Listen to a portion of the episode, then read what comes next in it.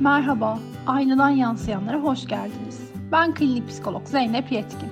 Bu podcast'te hedefimiz Ayna Eğitim ve Psikolojik Danışma Merkezi'nin 24 yıllık deneyimlerini sizinle paylaşmak. Çocuk, ergen ilişkileri, yetişkinlerin hayat içindeki zorlanmaları, kurumsal hayatın getirdikleri ve belki de götürdükleri, beslenme, duygular ve ilişkilerle ilgili bilgilerimizi ve deneyimlerimizi sizinle paylaşmak istiyoruz. Bu podcast'te sanıyorum en çok benim sesimi duyacaksınız. Çünkü genelde aynada soruları ben sorarım. Keyifle dinlemeniz dileğiyle. Herkese merhaba, ben psikolog Ceren Azar. Ben de diyetisyen Burcu Akgül. Ee, Benim işim her ne kadar sadece diyet planlamak olarak görülse de aslında ben bir sağlık çalışanı olarak benim e, asıl görevim mevcut sağlığı korumak. Ve Dünya Sağlık Örgütü bu sağlığı hem fizyolojik hem sosyal anlamda hem de psikolojik olarak tam bir iyilik hali olarak tan- tanımlıyor. Dolayısıyla benim fizyolojik sağlığı iyileştirirken bir yandan da psikolojik sağlığı korumam gerekiyor. Bu noktada buluşuyoruz. Aynen öyle. Yani dolayısıyla aslında beslenme uzmanlarının yaptığı işi de psikolojiden tamamen bağımsız olarak düşünmek e, mümkün olmuyor. E, ama bir yandan baktığımızda aslında belki de sizin ilk işinizin başladığı nokta diyet kelimesindeki o negatif yüklerin gelmesi, onunla birlikte negatif düşüncelerin doğması, çok zor olacak, kısıtlanacağım, yasaklar olacak, başarabilir miyim kısımlarının gelmesiyle aslında psikolojiyle ilişkiniz başlıyor. Kesinlikle öyle. Çünkü e, diyet denince ne yazık ki akla aç kalmak, çok kısıtlanmak, bir şeyleri hayatımızdan tamamen çıkarmak gibi gibi şeyler geliyor. Ama aslında e, beslenme planı dediğimiz şey öyle bir şey değil. Diyet tam olarak aslında ne demek, ne anlama geliyor? Şimdi diyet dediğimiz şey aslında bizim yediğimiz her şey. Kahvaltıda ne yiyorsak, öğlen ne yiyorsak, akşam ne yiyorsak ve bunun özel bir şey olması gerekmiyor. Yediğimiz her şey bizim diyetimizi oluşturuyor. Burada önemli olan diyeti spesifikleştirmek. Ne diyeti? Zayıflama diyeti mi, bir hastalığa özgü diyet mi, düşük kolesterollü diyet mi, diyabetle uyumlu bir diyet mi, ne diyeti? Bizim burada ne diyeti olduğuna odaklanmamız ve bu diyet eşittir aç kalmak fikrinden sıyrılmamız gerekiyor.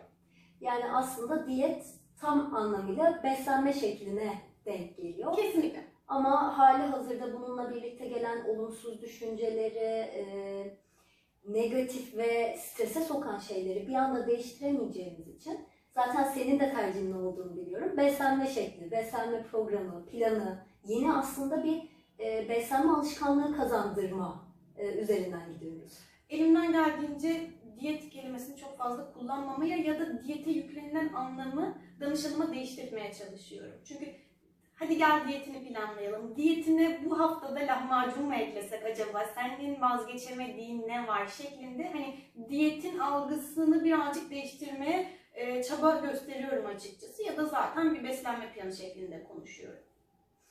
e, tam böyle çok böyle hani diyet beslenme planı derken e, aklımda beliren şey diyetlerin aslında e, zayıflamaya yönelik diyetlerin çok çeşitli olması. Ve özellikle işte zaten bu diyet düşüncesiyle birlikte gelen o e, negatif kısımlar da e, çok kısıtlayıcı, aşırı kısıtlayıcı diyetlerden belki de geliyor diyebiliriz. Sen nasıl bir yol izliyorsun? Aşırı kısıtlayıcı diyet uyguluyor musun? Kısıtlayıcı diyet senin için ne anlama geliyor?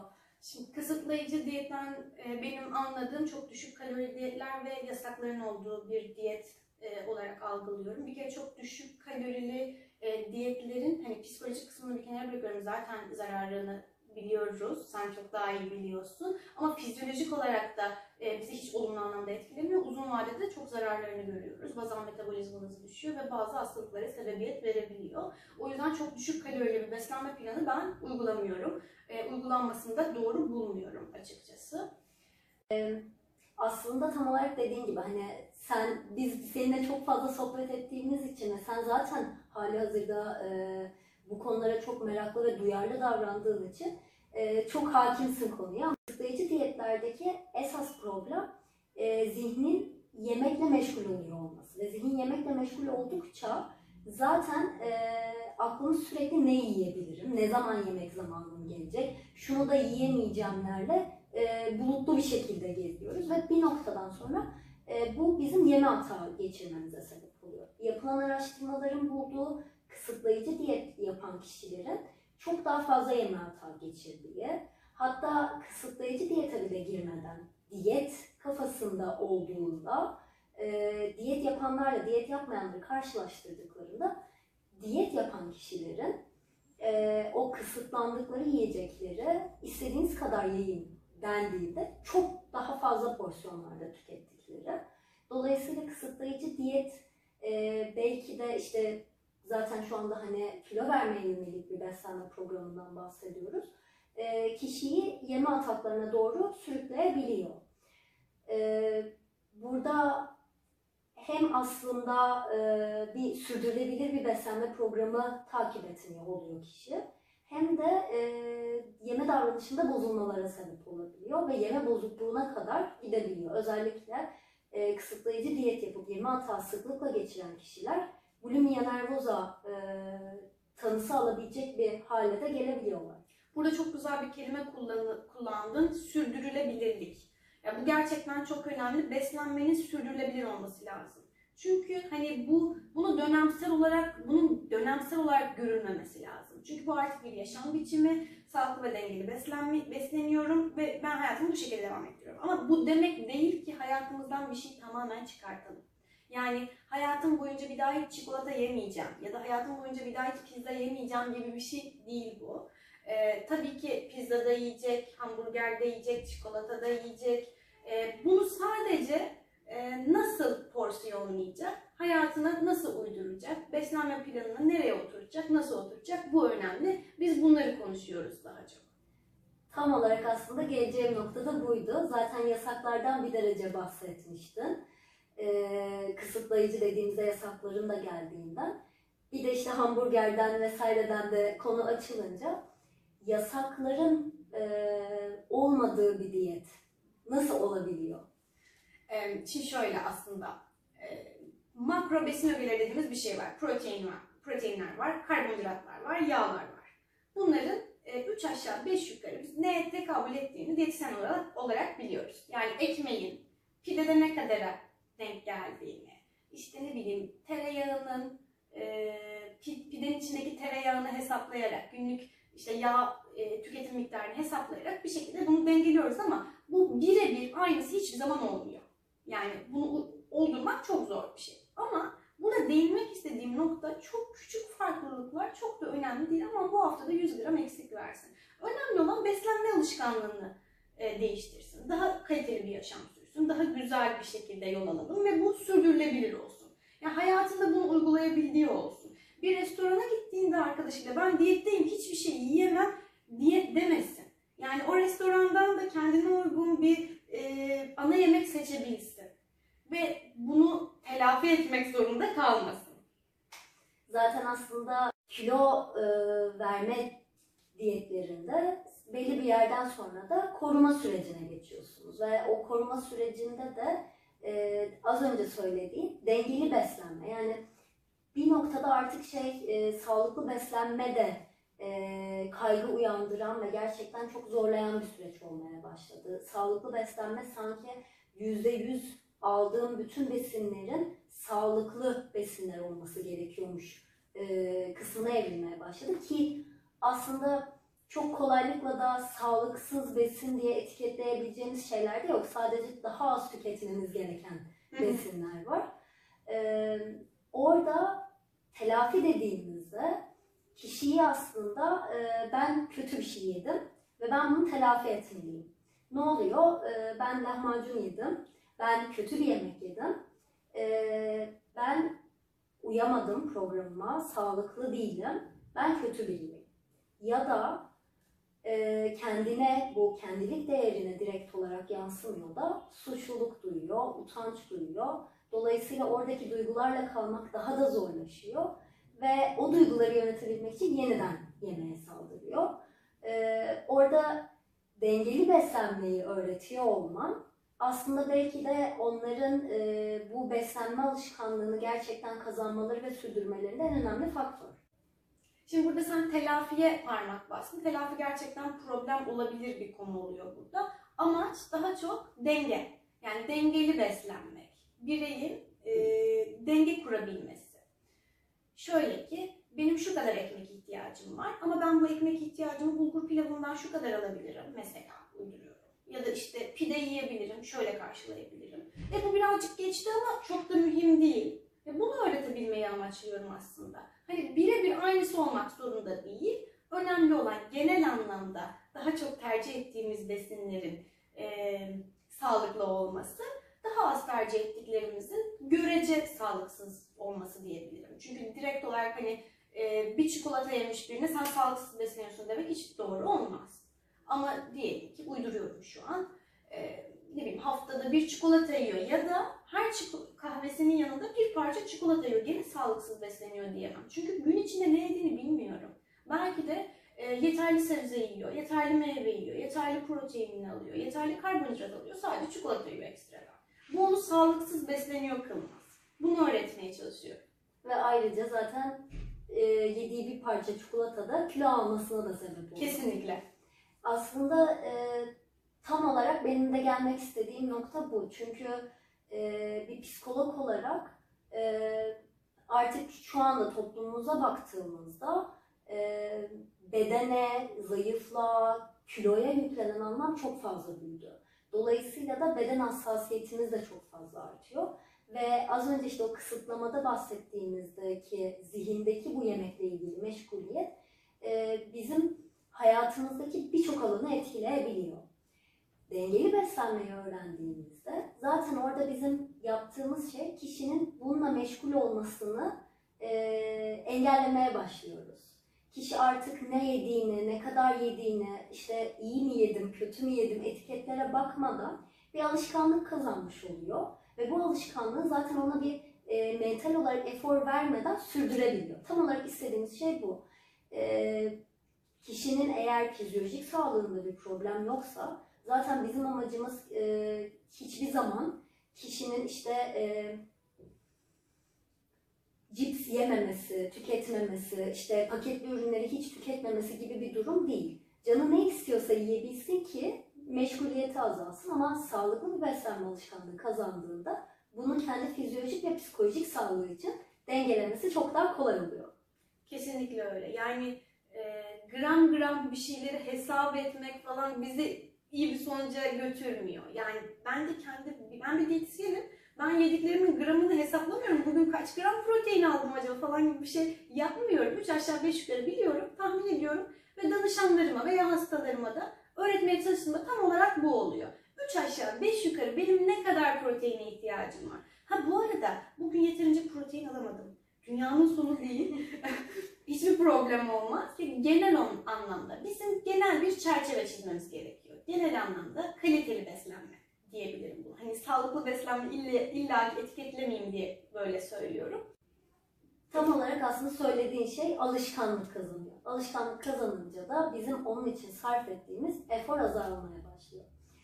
Ee, bir başka nokta, önemli olan bir başka nokta ee, ve senin zaten işte az önce de bahsettiğimiz gibi e, yasakları koymaman e, burada gerçekten yine danışanlar için e, inanılmaz bir koruyucu faktör. Bu yasaklar neden riskli, neden bir risk faktörü oluşturuyor? Çünkü e, özellikle beden hassasiyeti olan, e, yeme bozukluğu spektrumunda bir yere e, koyabileceğiniz yeme bozukluğu geliştirme riski olan kişiler bizlere gelmeden önce birçok diyetisyene gidiyorlar. Ve her birinden e, farklı yaklaşımlar olduğu için farklı farklı kurallar biriktiriyorlar. Bu yasaklar ve kurallar arttıkça o kişinin farklı besinler tüketmesi, e, zaten e, kendisine yetecek besin miktarını alması da zorlaşmaya başlıyor. Dolayısıyla e, artık bir noktadan sonra sanki e, bir fobisi varmışçasına belli yemeklerden korkmaya başlıyor. Bunu kırmak da e, çok zor olduğu gibi zaten aslında bu sürece yönlendiren şey de kendisini aç bırakmasına, e, yediği besinleri aşırı derecede kısıtlamasına e, sebep olan şey de bu yasaklar ve biriktirdiği kurallar oluyor.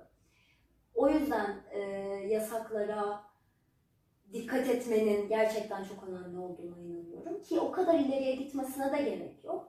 sadece yasak olması bile yani bizim bir şey yapmamamız gerekmesi, e, oradan uzak durmamız gerekmesi bize kaygı uyandırıyor. Orada ben bunu yapmamalıyım dedikçe üzerine düşünüyoruz ve stresimiz artıyor. O stresi yönetemeyince de o yasağa delmeye başlıyoruz. Yasak olmadığında ben bir parça çikolata yedim ve e, beslenme programıma, düzenime kaldığım yerden devam edebilirim. Ama yasak olduğu zaman zaten yedim, bozdum. Ben en iyisi bundan en fazlasını alayım. Çünkü yarın yeniden başlayacağım. Çünkü bedenim, e, nasıl gözüktüğüm çok önemli. Bugün ama en fazlasıyla alayım, sonrasında yine yok. Bu da daha fazla yemesine, e, çok daha büyük porsiyonlarda tüketmesine sebep oluyor. Hatta yapılan araştırmalar hep şey gösteriyor. Diyete başlamaya karar verdikleri günden önceki yedikleri porsiyonların e, neredeyse yeme hatağıyla aynı miktarlara gelebildiği e, çok büyük olduğunu bulmuşlar. Bunun için mesela bir yeme bozukluğu olmasına da gerek yok, Yok. bence. Benim danışanlarım tamam yarın diyete başlıyorum. O o zaman bugün kebap yemeye gidiyoruz. Ya bir şey gerek yok. Diyetteyken kebap yenilebilir. Hiçbir problem yok. O hafta kilo vermen durabilir. Dursun önemli değil. Bir hafta daha kilo verme ya da ne bileyim 300 gram eksik ver sorun değil. Ee, bunu anlatmaya çalışıyorum. Hani kebap da yiyebilirsin. Her şeyi yiyebilirsin. Önemli olan ölçü, miktar, sıklık. Yani bunu bizim dengelememiz lazım. Senin bunu hayatına e, bir alışkanlık olarak edip alman lazım. Kadar. Benim bir başka hassas olduğum konu da zaten sen e, az çok biliyorsun. E, bu cheat day'ler. e, Serbest değil mi o? serbest. Bugün her şey free, her şeyi yiyebiliyorum. Tabii ki de bir beslenme uzmanı değilim ve e, dolayısıyla birine bir program e, yazmak gibi bir şeyim yok. Ama bir psikolog olarak o serbest günün e, danışana ne kadar zarar verdiğini daha sonrasında kendileriyle çalışırken görebiliyorum. E, bir yandan işte yasaklar olmasın, kısıtlamalar olmasın diyoruz. Dolayısıyla belki de danışana e, sevdiği şeyleri yiyebileceği bir alan tanımak lazım. Düşüncesiyle olabildiğini düşünüyorum ve hani çok uzak gelmiyor. Ama yapılma şekli daha farklılaşabilir gibi. Sen nasıl farklılaştırıyorsun? Ee, şimdi şöyle bir kere şuna bir açıklık getirmek istiyorum. Kilo kaybı, zayıflamak bir enerji açığı ortaya çıkarmak. Yani şöyle, e, ben bugün 300 kilokalorik enerji açığı çıkardım. İşte yarın da öyle öyle gitti gitti. Bir hafta tamamladım ve belli bir kilo kaybettim. Belli bir gram kaybettim. Bir kere o serbest gün dediğimiz günde bütün o açığı kapatabilir o şekilde ve kilo vermesi tamamen durabilir. Yani amaç ta- yani tamamen hedeften sapmak oluyor bu bence. Ee, bir de kişiyi yeme bozukluğuna götürebiliyor değil mi? Hani bu riskli bir durum. Ben kendimi kısıtladım, kısıtladım, kıstladım, tuttum, kontrol edebiliyorum ve sonrasında her şey serbest, kontrolü tamamen kaybettim. Yine amaçtan saptık. E biz sağlıklı beslenmeye çalışıyorduk, dengeli beslenmeye çalışıyorduk. Ne oldu? Gibi bir şey oluyor. Bunun yerine ben şöyle yapıyorum. Mesela işte pazar kahvaltısını çok seviyorsun. Ona geniş bir pazar kahvaltısı seçeneği sunuyorum. Ne oluyor bu? Bir gün olmuyor ama bir öğün oluyor. Ya da ne yapıyorum? Hem, işte hem balı çok seviyor, hem reçeli çok seviyor, hem çikolata sürmeyi çok seviyor. Diyorum ki işte bunlardan acaba birini mi seçsek ya da ikisini mi seçsek? Hani sen bence karar ver. Hepsi fazla gelebilir. Ne düşünüyorsun bu konuda? Gibi aslında ona bırakıyorum daha çok. Danışana bırakıyorum. Ee, ve bu şekilde ilerliyoruz. Aslında öğün öğün ilerliyoruz. Öğün serbestliği de demek istemiyorum aslında. Tamamen serbest bırakmıyoruz. Yani kişi zaten serbest. İstediğini her zaman yiyebilir. Sadece biz onun ölçüsünü belirliyoruz. Onu da yiyebilir, bunu da yiyebilir. Ne kadar yiyebilir, ne kadarıyla doyar. Fizyolojik olarak ne kadarıyla doyar. Ne kadarına ihtiyacı var. Ya da ben bunun yanına ne verirsem o kendini daha tok hisseder. Bunu amaçlıyoruz ve bunu uyguluyoruz çok. Aslında yaptığın şeylerle, dikkat ettiğin, kendine e, kattığın okumalarla, sohbetlerimizle e, danışan geldiğinde sen e, sadece fizyolojik sağlığıyla değil, gerçekten psikolojik sağlamlığına da zarar vermemeyi güderek ve hatta bazen de belki güçlendirerek ilerliyorsun. E, benim için çok gerçekten önem verdiğim konular. Özellikle e, belki bundan 35-40 yıl önce yine yeme bozuklukları vardı. Ama sosyal medyanın etkisiyle e, ulaşılabilirliğin, gördüğümüz şeylerin ve kiloya ve bedene yüklenen anlam yükseldikçe e, daha önem taşıyan, daha e, riskli durumlar olmaya başladı. Dolayısıyla da artık beslenme uzmanlarına da burada gerçekten büyük bir rol düşüyor. E, daha bu konuda muhtemelen biz saatlerce konuşabiliriz. Ama böyle son toparlarken söylemek istediğim bir şeyler var mı? E, var. Şimdi şöyle ki hem fizyolojik hem de psikolojik ihtiyaçlarınızı karşılayarak e, bunlara uygun şekilde size uygun bir beslenme planı muhakkak oluşturulabilir. Yani e, kısıtlamalar olmadan sizin isteğinize göre yaşam tarzınıza uygun e, bir diyet modeli, bir beslenme şekli muhakkak bulunur. Bir orta yolu bulunur. O yüzden lütfen diyeti aç kalmak, e, çok kısıtlanmak olarak düşünmeyin sizin yaşam kalitenizi arttıran bir şey olarak düşünün. Güzel bir beslenme alışkanlığı kazanmak gibi düşünün. aslında beslenme alışkanlığı kazanmak, e, bir şeylerden mahrum kalmak, uzak durmak zorunda olmak değil, e, kilo vermek de bir başarı unsuru değil. Kendinize kısıtlamadan sevdiğiniz şeylere yer verebildiğiniz şekilde hem fizyolojik hem psikolojik sağlığınızı koruyarak e, yemek çeşitliliği belki de Evet, kazandırabilirsiniz. kesinlikle.